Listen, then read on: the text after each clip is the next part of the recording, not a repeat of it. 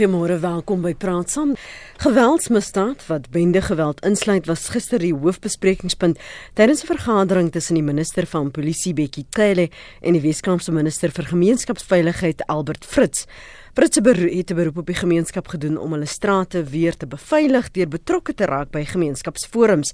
Verlede week is berig dat bendeverwante geweld sedert einde verlede jaar meer as 2000 sterftes veroorsaak het. Baie van die slagoffers jong mense en kinders wat in die kruisvuur van bendes beland het. So vanoggend op praat saam bespreek ons die verhouding tussen misdaad aan die een kant en die ongelykheid en die faktore wat hierdie twee wêrelde bymekaar bring. Ons gaste is Quentin Adams, hy's 'n opvoedkundige sielkundige. Hy doen baie navorsing oor verskillende sosiale kwessies en dankie dat jy vanmôre by ons kon aansluit Quentin. Môre. Goeiemôre Lenet en môre luisteraars. Ons gesels ook met professor Christian Besuidenhout. Hy is by die departement maatskaplike werk en kriminologie by die Universiteit van Pretoria. Goeiemôre professor Besuidenhout. Goeiemôre, hoe gaan dit? Dis koud. Dis oral koud. Goeiemôre net. Professor, kom ek val eers met jou weg. Suid-Afrika een van die hoogste misdaadsyfers in die wêreld. Um, maar ook aan die ander kant grootste ongelykheidsvlakke wat ons ook al ter wêreld gesien het. Quentin gaan raak aan die sosiale aspekte daardie ongelykheids uh, invalshoeke vanuit 'n misdaad perspektief, die navorsing wat jy nou al gesien het, gedoen het, betrokke by was, ontledings wat jy gemaak het, wat is die korrelasie? Kyk, die sosiale klas uh, uh ons praat van 'n veranderlike was al by ons in in die hele wêreld uh bestudeer oor en oor en oor en jy weet jy twee kampe, twee skole. Aan die een kant sê hulle daar's 'n definitiewe korrelasie, jy weet daar's die, die armoede en die desperaatheid en die gebrek aan geleenthede wat die sogenaamde marginale of die laer klas soos baie mense na hulle verwys um, is daar 'n korrelasie met sekere misdrywe. En dan uh, weet uh, en die navorsing wys dan dat jy 'n middelklas tipe komponent, hulle 'n tipe misdryf soos witboortjie misdrywe, mm. weet en jou hoër klasse. So die laer klas komponent wat ek dink jy vandag na toe wil verwys of 'n mm. gemeenskap waar daar baie bende aktiwiteit is of waar infrastruktuur, ons praat van sosiale disorganisasie in die kriminologie. Dis die sogenaamde ekologiese benadering. So ons kyk na wat hoe lyk daai omgewing? Hoe lyk die skole in daai omgewing en wat is die misdaad in daai tipe omgewing? En dit is maar klassiek, jy weet, omgewings waar daar baie armoede is en waar mense onder die sogenaamde broodlyn lewe. Nou ek kan dit gou-gou met die luisteraars deel. Die die die basiese broodlyn, ons het in Suid-Afrika omtrent 54% van ons samelewing wat onder die broodlyn leef. Nou die broodlyn is wanneer jy nou al jou jy het minstens 2 etes 'n dag. En ons praat van klein etes. Ek sê vir jou nou die bedrag. Ek dink is R26 as ek so uit die vuis uit praat. Ja, R26 mhm. ietsie vir vir etes, net wat jy kan eet. So dit het jy gedek vir die maand. Maar dan sê hulle jou ander algemene uh onkoste wat jy het. Nou praat ons van ligtyd en jou vervoer na jou, as jy 'n werkie het iewers, het jy minstens R779 per huishouding nodig. En ek kan vir jou sê baie mense het dit nie. 54% omtrent van ons Suid-Afrikaners het nie daai tipe inkomste om die basiese broodlyn by uit te kom nie. Mm. Dan raak daai mense desperaat. Dan raak van hulle betrokke by misdaad. Maar nie alle mense wat in arm woonbuurte woon pleeg misdaad nie. Daar's die groot meerderheid mense wat net probeer om te oorleef elke dag wat nie misdaad pleeg nie. Maar ek wil ietsie net noem uh, en Quentin kan nou miskien net bietjie meer sê ook in sy omgewing waar hy werk want ek weet spesifiek ek wil net nou praat oor die bendes en die tipe goed.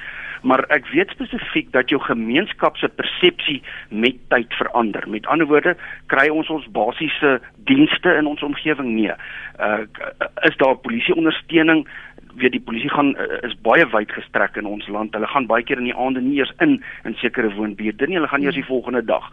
So die mense begin self mobiliseer. Die mense begin sekere misdaad groeperinge ondersteun want hulle baat by hierdie ding. Mhm. Ehm mm um, so ek wil net die luisteraars waarsku. Ons wil nie sê arme mense gaan misdaad pleeg nie of arme mense pleeg misdaad nie. Daai is 'n uh, is 'n mite en ek sal nou-nou graag meer daaroor wil mm.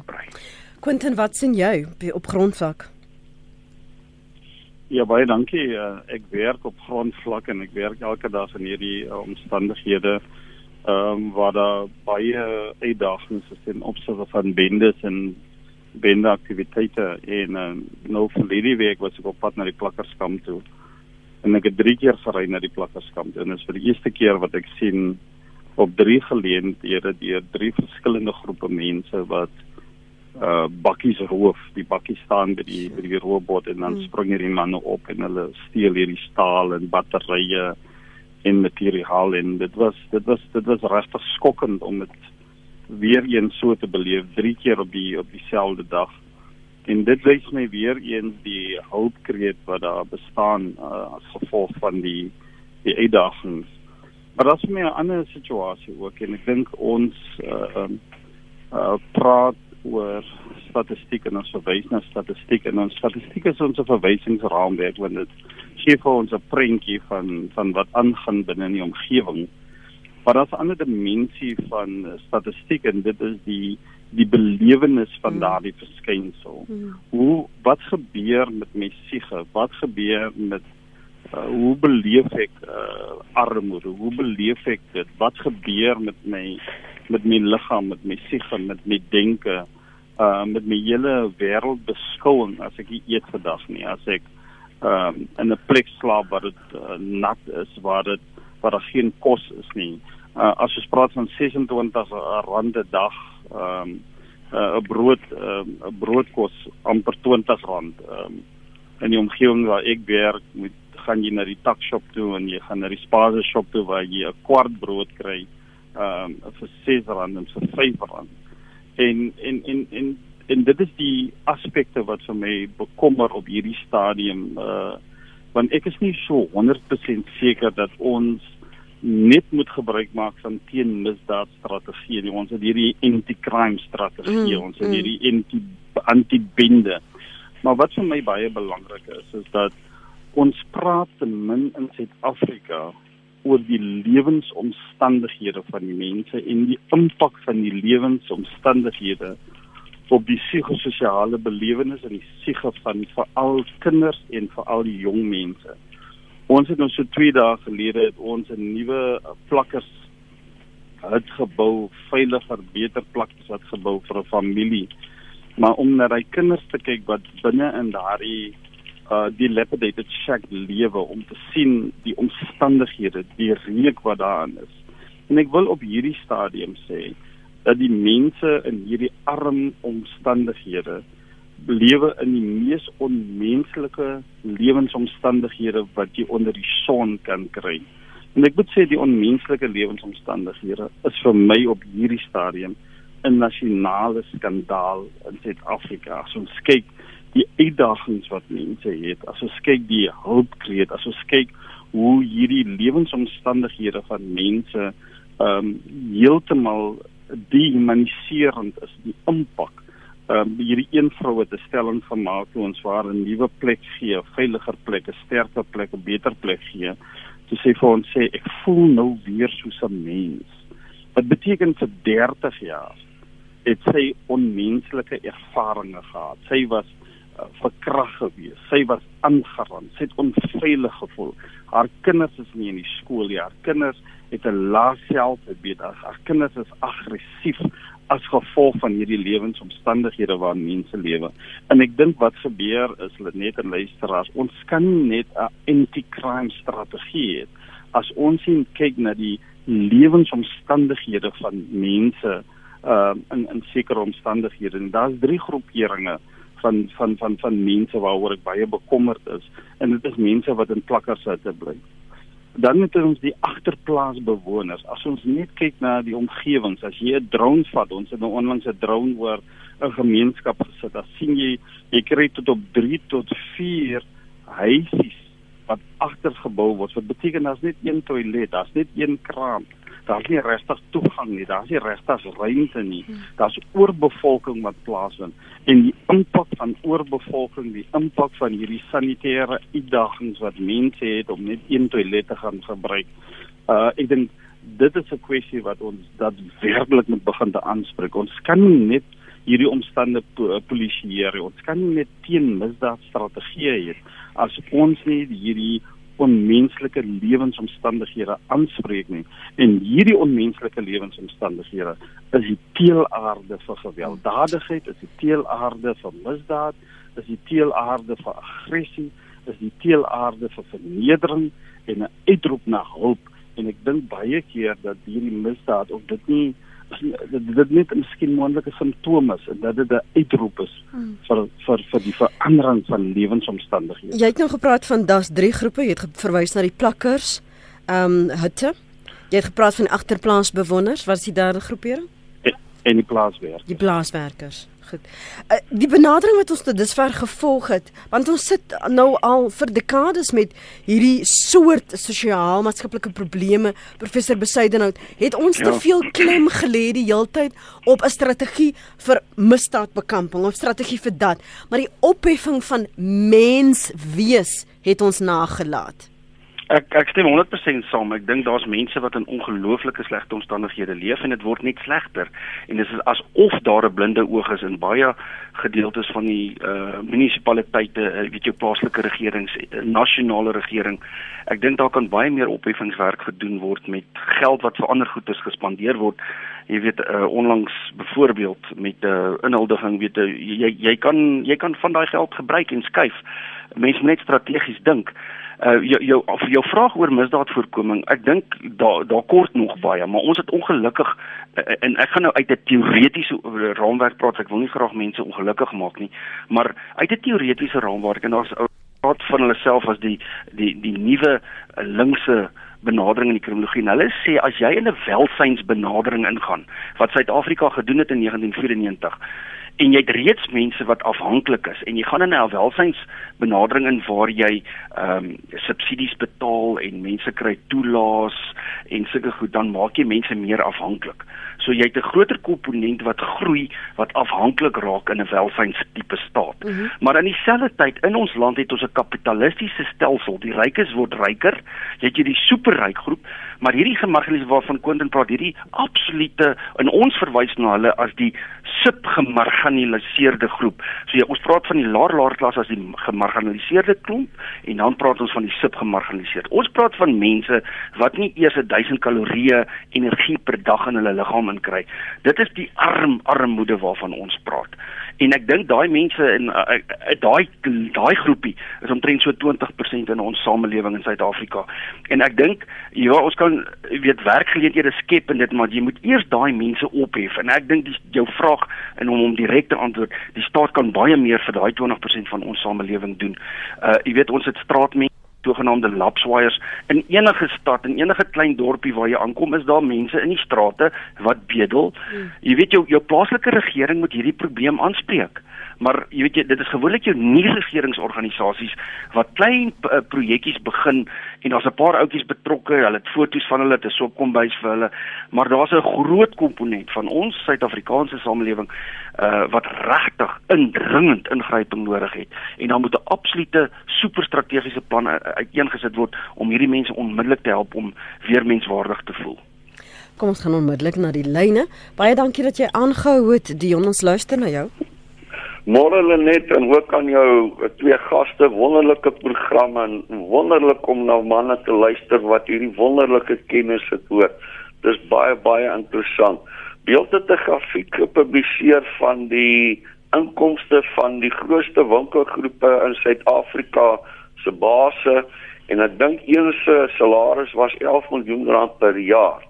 Nou ter twee vrae. My eerste vraag is is kapitalisme in Suid-Afrika onsensitief teenoor armes wat misdaad aanblaas as 'n moontlike rede of is dit die kapitaliste self wat wat net eenvoudig insamel en dood eenvoudig net nie wil gee en wil deel en wil help om hierdie probleem uh, aan te spreek om te voorkom dat dat dat misdaad styg of om misdaad dan af te bring nie. Nou, dit is al vraag wat ek Wag gou, laat ek gou met jou praat. So so nou sê byvoorbeeld jy's 'n kapitalis.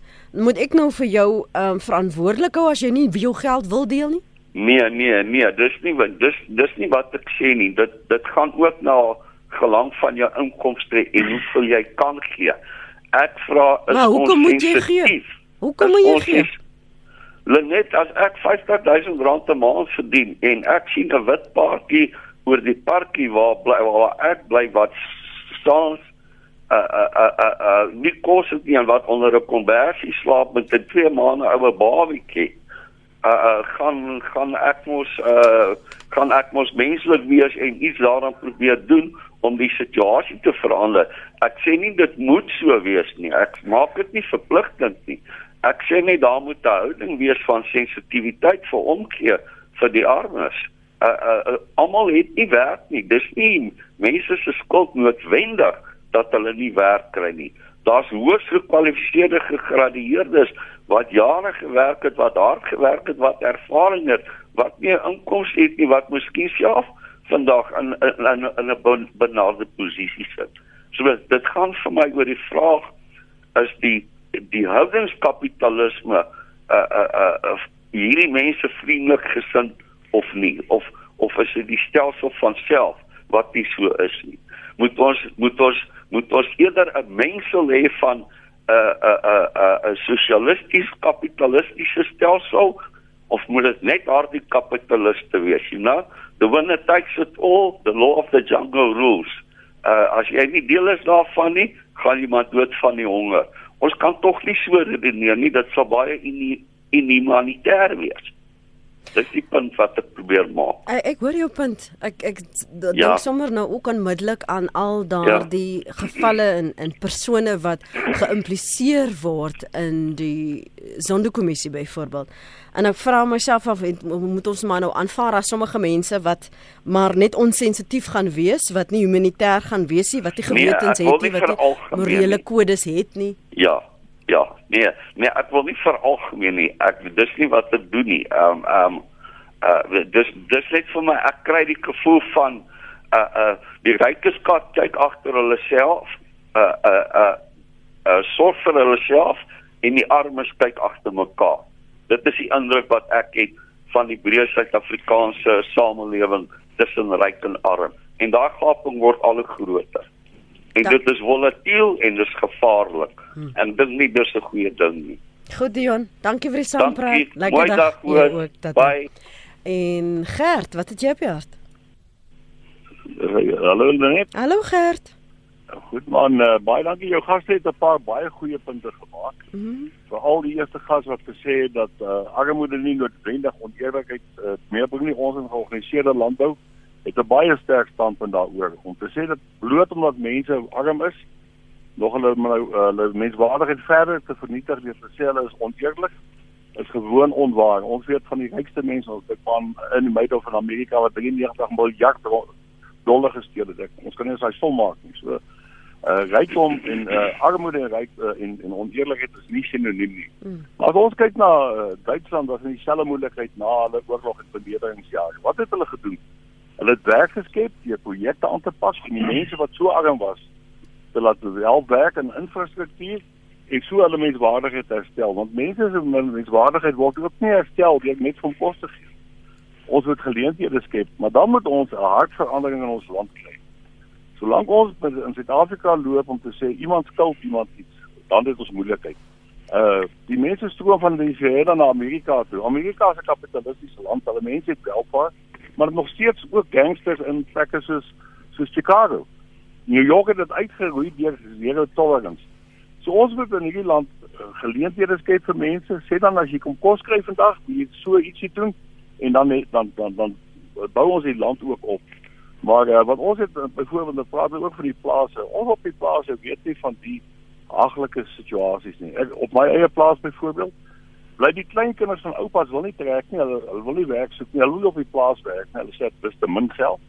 Terwyl uh, in in Texas in Malasleni is elke sosiale werk soos uh, uh kelners in in in in in in, in, in restaurante, die mense wat die karre oppas, is buitelanders wat tot twee werke 'n dag doen. Hulle huur huise in in Witbank en hulle woon daar het nog geld om hulle mense te stuur. Maar ons plaaslike mense sê ek het nie werk nie. So eh uh, hulle net dan moet daar verandering kom en ons moet uh, ons het nou jeugdag gehad. Dit help nie ons hou aan ander mense verwyd nie. Kom ons sit skou in die ploeg hier regering en eh uh, die kerk het 'n maatskaplike verantwoordelikheid om ruimte te skep dat mense hulle menswaardigheid terugkry en dat ons hierdie land ook 'n model land kan maak. Dankie Lenet. Dankie Gert. Um, Quentin, kom ons val met jou weg. Jou jou gedagtes na aanleiding van wat uh, die twee luisteraars sê.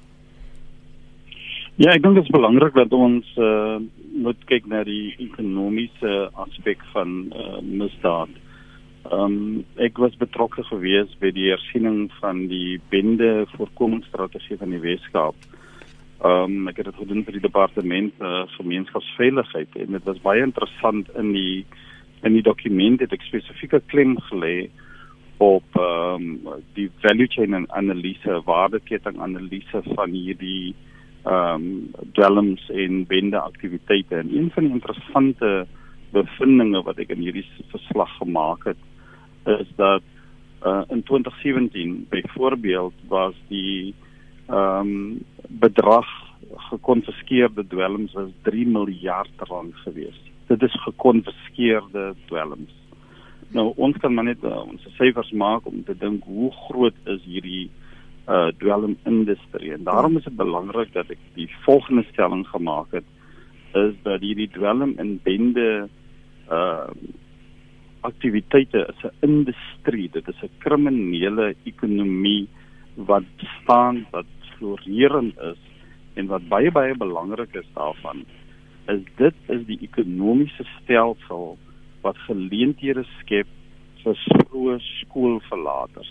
En wat gebeur is daar is 8.3 miljoen ehm um, jeugdiges wat nie werk het nie. Ehm um, as jy gaan kyk in hierdie gemeenskappe dan sien jy hulle hulle het goeie klere wat hulle dra en dan vind jy daar's 'n florerende kriminele ekonomie.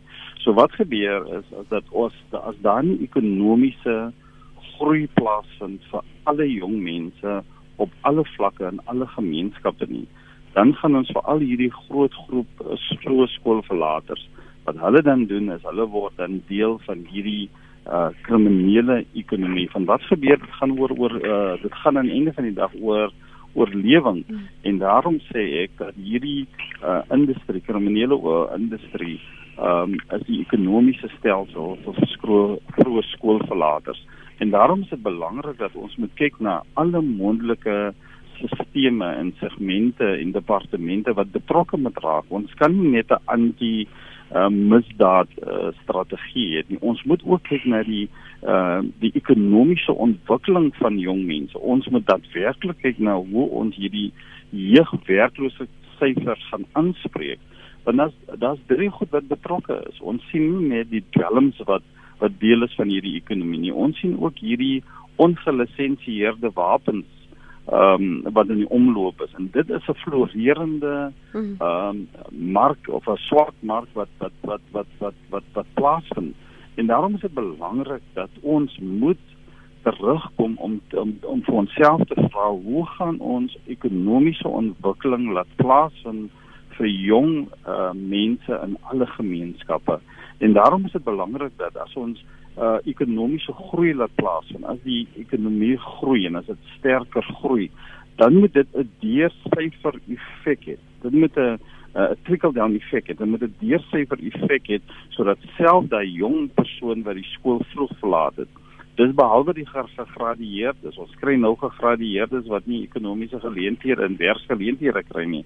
Maar my bekommernis is as ons kyk na hierdie bende aktiwiteite, ons kyk na hierdie misdaad wat gepleeg word, ons kyk na hierdie mense wat uh, doodgemaak word, ons kyk na hierdie uh, buitelandse syndikaate wat nou betrokke is uh, in hierdie dwelms en in ongelisensieerde en human trafficking en al hierdie uh uh kriminele aktiwiteite dan dan dan sê ons vir vir onsself dat dit dit bied 'n stelsel vir hierdie jong mense om ekonomies aktief te wees en dit is die area waar ons groter fokus moet begin te plaas in ons land. Mm. Christian, as jy kyk na die Dion se se verweer is en, en, en hy wonder oor die onsensitiwiteit uh van die wat dan nou ryk sou wees. Ons kan nie wag of bekostig om te wag vir mense om 'n gewete of 'n hart te kweek vir ander nie of te ontwikkel nie en te wil deel nie. Hierdie hierdie omstandighede want jy probeer op die weegskaal kyk waar plaas jy wat. Ehm um, die ekonomie moet groei aan die ander kant uh, sien jy hierdie skreiende ongelykheid in gemeenskappe, maar, maar selfs onder daardie omstandighede verwys Quentin nou na 'n kriminele ekonomie. Want vir die vir die vir die kriminele is dit 'n job. Is is 'n manier om te oorleef. Wat wat doen ander lande wat al aanvaar dit? Kyk, dit gaan nie weggaan nie, maar hoe gaan ons dit laat werk en bestuur?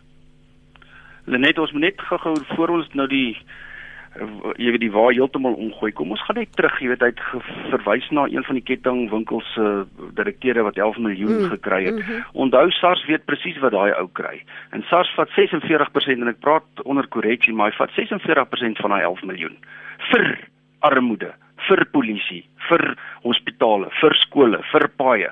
So daai ou betaal uit sy salaris en hy's nou 'n superhoë inkomste groep.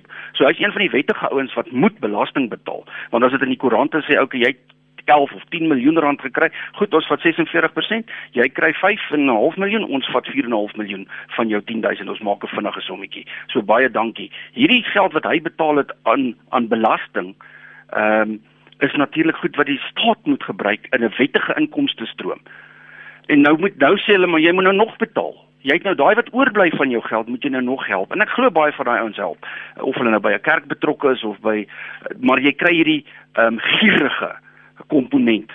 En en en as ek praat van die gierige komponent, um, is dit ouens wat uh, betrokke raak met die sogenaamde ondertafel projekte weet vir die staat goed afteken. Daar's groot strome geld wat daar hardloop. Ek stem 100% saam en dis goed wat uitgeroei moet word. Ek wil net teruggaan na uh, nog ietsie toe. Jy weet as jy mooi dink en ek dink dis een probleem van ons ekonomie en ek praat weer onder korreksie, maar ek dink as ons praat van persoonlike belasting is daar net 19% Suid-Afrikaners wat persoonlike belasting op 'n sekere vlak betaal. Hmm. Omdat so groot klomp ouens onder die broodlyn in Suid-Afrika lewe, het jy net 'n sekere klomp ouens wat bydra en 'n sekere klomp van die inkomste groep word kwytgeskelp van persoonlike belasting. So jou besighede, jou superryk groepe, hulle word verskriklik swaar belas om en dan sogenaamde sondebelasting. Jy weet die ouens wat nou drank en sigarette en daai tipe goed en baie keer in jou onder laar laar laar klas. En dan gaan nou vir jou skokkende statistiek gee. Dit kom nogal van die WNR af. En hulle het 'n studie gedoen en van elke R20 wat enige Suid-Afrikaner maak en hulle dit in gemiddeld, onthou nou baie mense drink nie. En dit ons praat nou hier van die laar laar laar subgemarginaliseerde groep ook gebruik minstens R20 uit elke R100 wat hulle maak vir alkohol. So jy dis 'n ander groot maatskaplike probleem. Ek wil so ek los daai belastinggedagte van net 19% wat die ruggraat van hierdie land se ekonomie dra. So die 19% wat persoonlike belasting betaal word swaarder en swaarder en swaarder gelaai. So mense moet ook aan hulle dink. Uh, dit is 'n geweldige probleem. Ek wil aansluit by die tweede ou wat gepraat het of 'n uh, luisteraar wat Gert. verwys Gert, Gert, hallo Gert, uh, wat genoem het oor die plase. Jy weet baie baie uh, dit is so. Omstandighede op plase en die sogenaamde plaaswerkers, uh, veral die die die wat pendel wat inkom plase toe en werk en nie meer woon op die plase nie, kry swaar. Maar baie boere op plase doen baie vir hulle gemeenskap. Hulle bou huisies, hulle help met uh, skool met kinders, hulle gee kos. Kan jy nou dink dit word nie gedoen nie? Het jy nog 'n groter afhanklike groep? En ek dink ek gaan terug na Nando se argument toe van my ons het 'n welsynstaat geskep, verwagting. Hmm. Jy weet ek kan onthou uh, skooliere, ek self, jy ons het maar jy het koerante afgelewer van 'n baie jong ouderdom af om sakgeld te kry.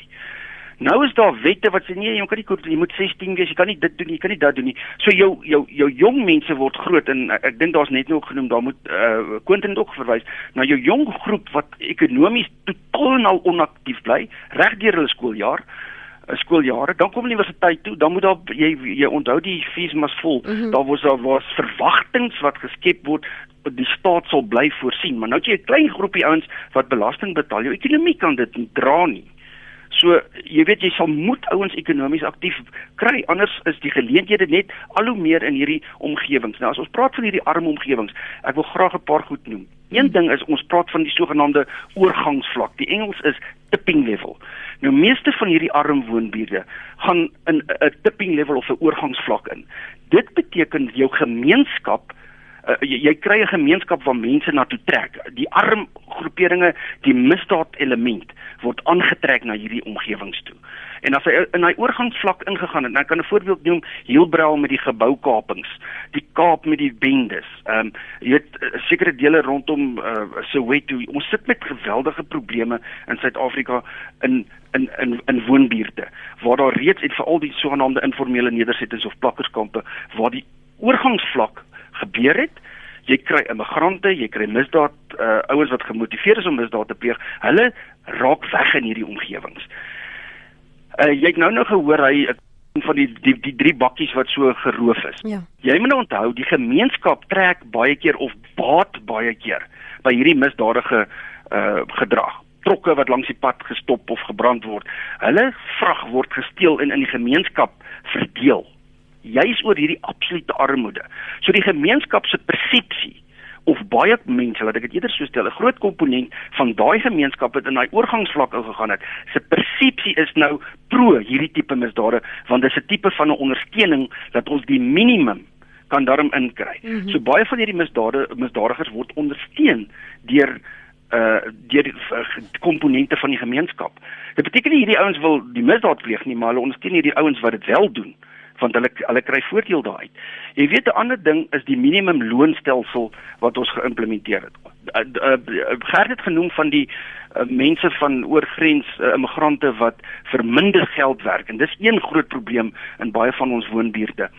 Jy sien die mense sê maar hierdie ou uh wat nou van een van ons buurlande afkom, werk vir R50 'n dag. Maar daar's 'n minimum loon van 120. Ek is nie bereid om vir daai te werk nie. Nou hierdie ou wat die 50 wat twee jobs doen, doen twee werke, hy kry 100 of 150 rand 'n dag.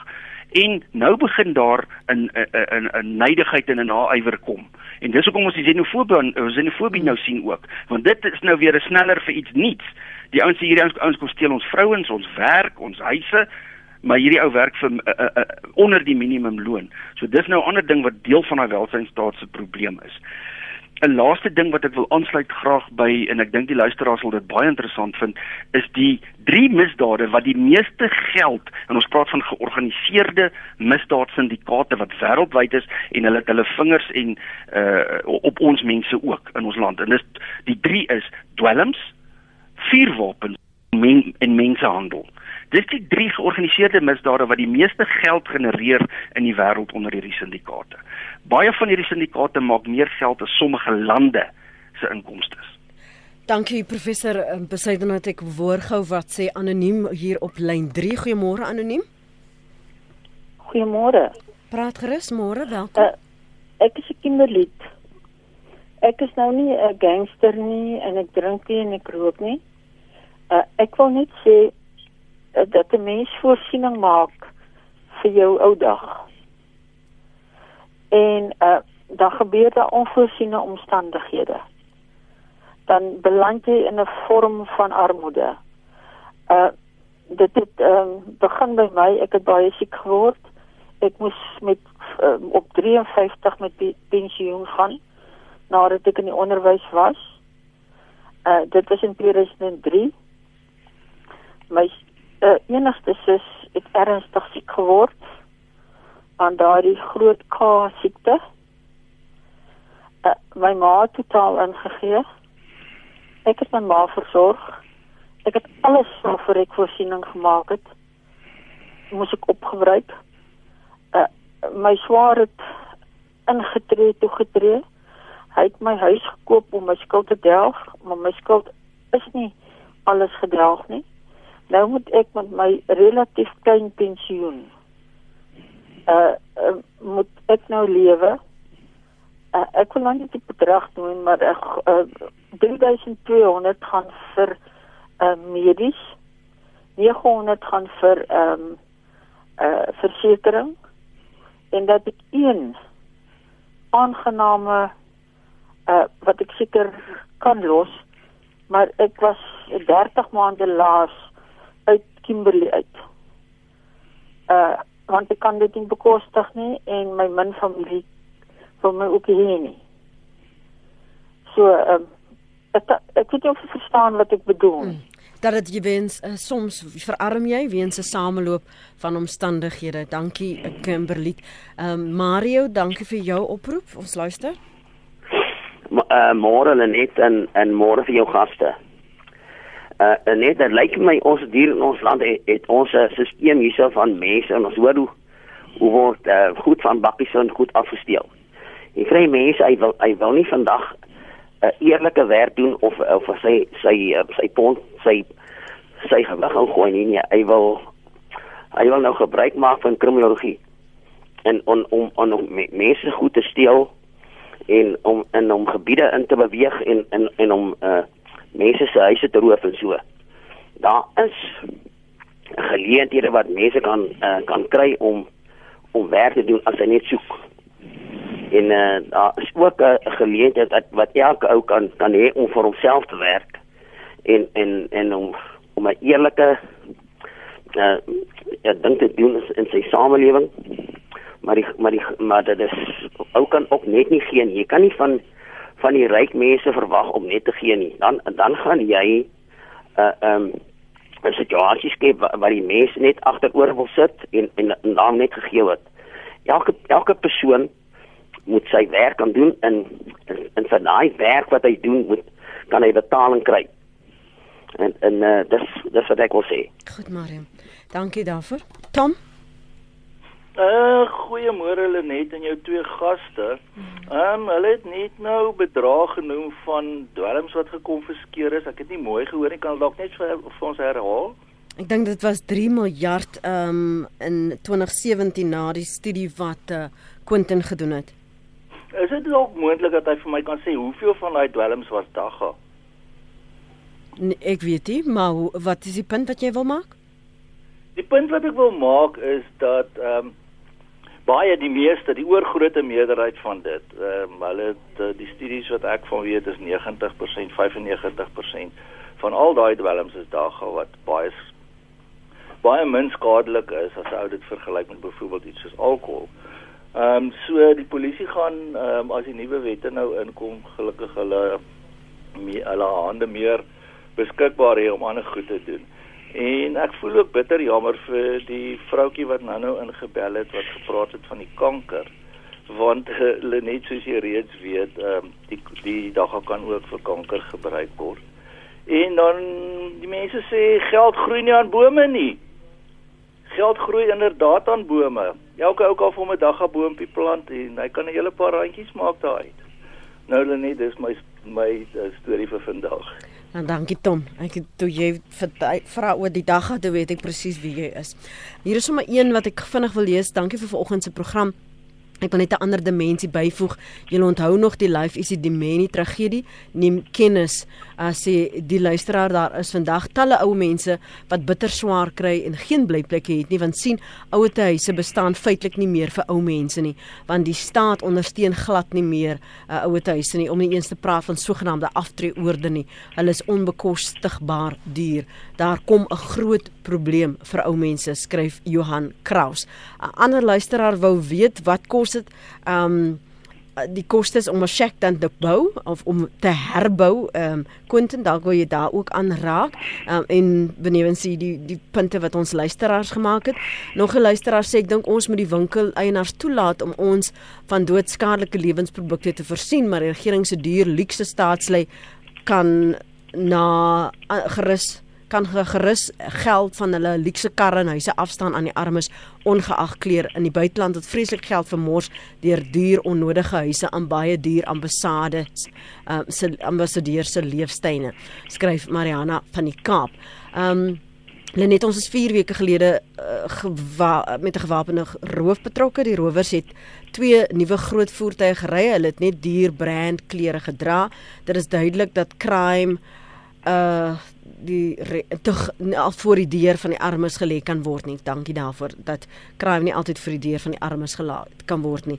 Um ek en my seun was 15 maande sonder werk. Ons het weggooi meubels gerestoreer en verkoop. Ons het elke dag geëet, nooit bakant gestaan nie, skryf Tini. Professor Besuidenhout? Ja. Um, ek ek stem saam. Ek dink in terme van ek dink die die dagga een, ek weet nie hoe gaan elke ou wanneer gaan ek dink nie almal is dagga rokers so jy kan nie geld uit dit uit noodwendig genereer met almal nie. Ek dink ons kan soos Nederland hierdie goederes ook reguleer met wetgewing. Dit is miskien moontlik, dit is 'n opsie, maar ek dink ons moet aan langtermyn meer sinlike en sinvolle planne dink en ek dink mense, jy weet die dame wat nou gesê het weet sy het skielik hierdie uh finansiële insinking beleef mm. en dan moet jy leef en ek dink daar's baie van ons ouer garde wat regtig nie in ag geneem word nie. Jy weet 'n ouderdomstoelaag as as jy vir 'n uh, ouder ouderdomstoelaag en jy het geen pensioen opgebou ooit in jou lewe nie en jy kry 1500 of 2000 rand 'n maand en jy moet oorleef. Dit is 'n geweldige probleem. Maar terwyl sy so gepraat het, het ek aan iets anders gedink wat mm. ons net met vir mekaar moet sê. Ehm um, twee goed. Een, onthou nou mense wat in hierdie areas woon, kan nie noodwendig sekuriteit bekostig nie. Jou gemiddelde ou en ons het 'n krimpende middel uh middelklas wat wat hierdie land aan die gang hou. Dit so die die middelklas kraak tans om te probeer die gate toestop. En dit gaan iewers vir ons 'n geweldige eier in die gesig veroorsaak in hierdie land as hierdie ekonomie nie reggerig word en ons ons middelklas en ons praat nie net mense dink dis net wit mense. Dit is heeltemal foutief. Daar's maar basies 2.5 3 miljoen um, wit mense oor jy weet ehm um, as jy die totaal vat Afrikaans, Engels en almal is dit so baie 5 miljoen. En die minder as die helfte van hulle dra by tot belasting. So jou nuwe komponent middelklas is jou ander rasse groepe, veral swart mense, hulle hulle word verwys na as die die black diamonds, die swart diamante van hierdie land wat in die middelklas en in die hoër klasse kan instoot. Ehm um, omdat hulle goed verdien, uh, top uh, salarisse verdien. Ehm um, en ons ons moenie ons moenie met oogklappe rondloop en dink daar's hierdie sogenaamde hulle praat van die wit voorreg en hierdie tipe goed en, en hulle wil nie betaal nie. Hier's 'n baie groot komponent van ons samelewing uh ander ekonomiese aktiewe mense van die ander rassegroepe wat ons ook moet begin aandag aan en en dis mense wat jy moet koester want meer en meer van hierdie swart komponent mense is besig om te immigreer oor misdaad en die probleme. So jou jou middelklas is in 'n geweldige krisis tans in hierdie land om hom stabiel te hou. En, en dan het uh, uh, wat ek wou terug by kom is jou laerklas ou kan nie byvoorbeeld sekuriteit die, die sekuriteitsmaatskappye bekostig nie. So hulle ervaar ook verkrachting, aanranding en al hierdie probleme in hulle huise. Ons moet ek en ek wil graag vir die luisteraars sê maak jou oë toe en dink jy moet vir 1 week in 'n 3x3 shack met sinkplate gaan woon en dis jou lewe. Daar's nie 'n toilet wat spoel nie, daar's nie krag nie, jy kyk nie DStv nie, daar's nie 'n warm bed nie. Dit is hoe jy lewe en elke dag moet jy daarna toe teruggaan. So ons moet indringend aandag skenk aan hierdie probleme en veral ook die ouderdom na kyk. Want ouderdomspensioene kan nie hierdie groot komponent van ons weet met die mediese wetenskap wat vooruitgang word mense al hoe ouer en ouer en daar is nie voorsien vir hulle ou dag nie en hierdie mense kry swaar en ek dink die regering sal ernstig moet ingryp met dit. Jou slotgedagtes vir môre uh, van jou wat jy sien en dan miskien ook raak aan wat dit sou kos as jy 'n um, shack herbou, ehm um, Quentin? Ja, ek dink ons bou 'n shack omtrent vir 20000, dis 27000, 27 uh, vierkante meter. Mm. Maar ek dink wat vir my belangrik is, is dat ons het uh, 'n breë ekonomiese transformasie nodig veral op uh, grondvlak ek dink dit is waar die grootste kommernis en uh, bekommernis op hierdie stadium is en ek dink dit is belangrik dat drie fasette met plaasvind ehm um, dat die afwesigheid van van entrepreneurskap studies en welvaartskepingsmetodes en die toegang tot tot kapitaal as as ons met jong mense praat en as ons sien wat gebeur dan vind ons dit daai drie fasette van gratis plaas nie dit is heeltemal afwesig. En daarom dink ek is belangrik dat ons moet seker maak dat hierdie vroegskoolverlaters basiese werksoekvaardighede moet kry dat hulle weer geupskill moet word dat hulle reg is vir die arbeidsmark en dan baie belangrik is die totale afwesigheid van entrepreneurstudies in uh, gemeenskappe. En ek dink as ons met jong mense begin werk om te sê dat ehm um, geweld is nie die enigste moontlike manier om ehm um, kapitaal te kan kry en om jou finansiële toestand te kan verbeter nie. En daarom dink ek dat ons moet regtig beweeg in wat praat laat praat van the bottom of the pyramid dat ons groter bemagtiging, ekonomiese bemagtiging moet laat plaasvind entrepreneurs en sosiale entrepreneurskap ehm uh, programme implementeer want ek is nie oortuig dat net anti misdaad en anti bendes en anti uh geweld programme die enigste oplossing is. Hmm. Ons moet 'n groter klem lê op die ekonomiese bemagtiging van jong mense en dit moet baie vroeër begin. Um rekenaargeletterdheid moet op die primêre skole begin. Dit moet plaasvind op die hoërskole. Ons moet seker maak dat hierdie jeugkafee wat hulle nou uitrol dat dit hmm. plaasvind in al die gemeenskappe sodat jong mense toegang kan hê en bemagtig kan word en en absoluut belangrik is die ekonomiese bemagtiging van jong mense wat op hierdie stadium werkloos is. Dan kan ons begin aandag gee um, om seker te maak dat ons werkloosheid in Suid-Afrika kan aanspreek. Dankie vir julle tyd vanoggend, professor Christian Besuidenhout en Quentin Adams vir daardie nugtere opsomming maar wat die die kwessies is wat ons in die gesig staar. Dankie ook vir die werk wat julle doen om Suid-Afrika te bou en te herbou. Ons waardeer dit. As jy weer na ons program wil luister, kan jy gaan na ons webblad dis www.rsg.co.za. Jy kan vir albei soek op sosiale media as jy hulle werk wil ondersteun. Uh Quentin Adams is 'n opvoedkundige sielkundige wat navorsing doen oor verskillende sosiale kwessies. Um baie ken hom as die Shack Builder. Professor Christian Besuidenhout is by die departement maatskaplike werk en kriminologie by die Universiteit van Pretoria. Dalk vir julle ook nader as sprekers sodat 'n mens kan begin saambou en hande vat oor waar hierdie leemtes in ons gemeenskappe is wat wat net ek en jy kan help herstel. So baie dankie vir die saampraat en die terugvoer.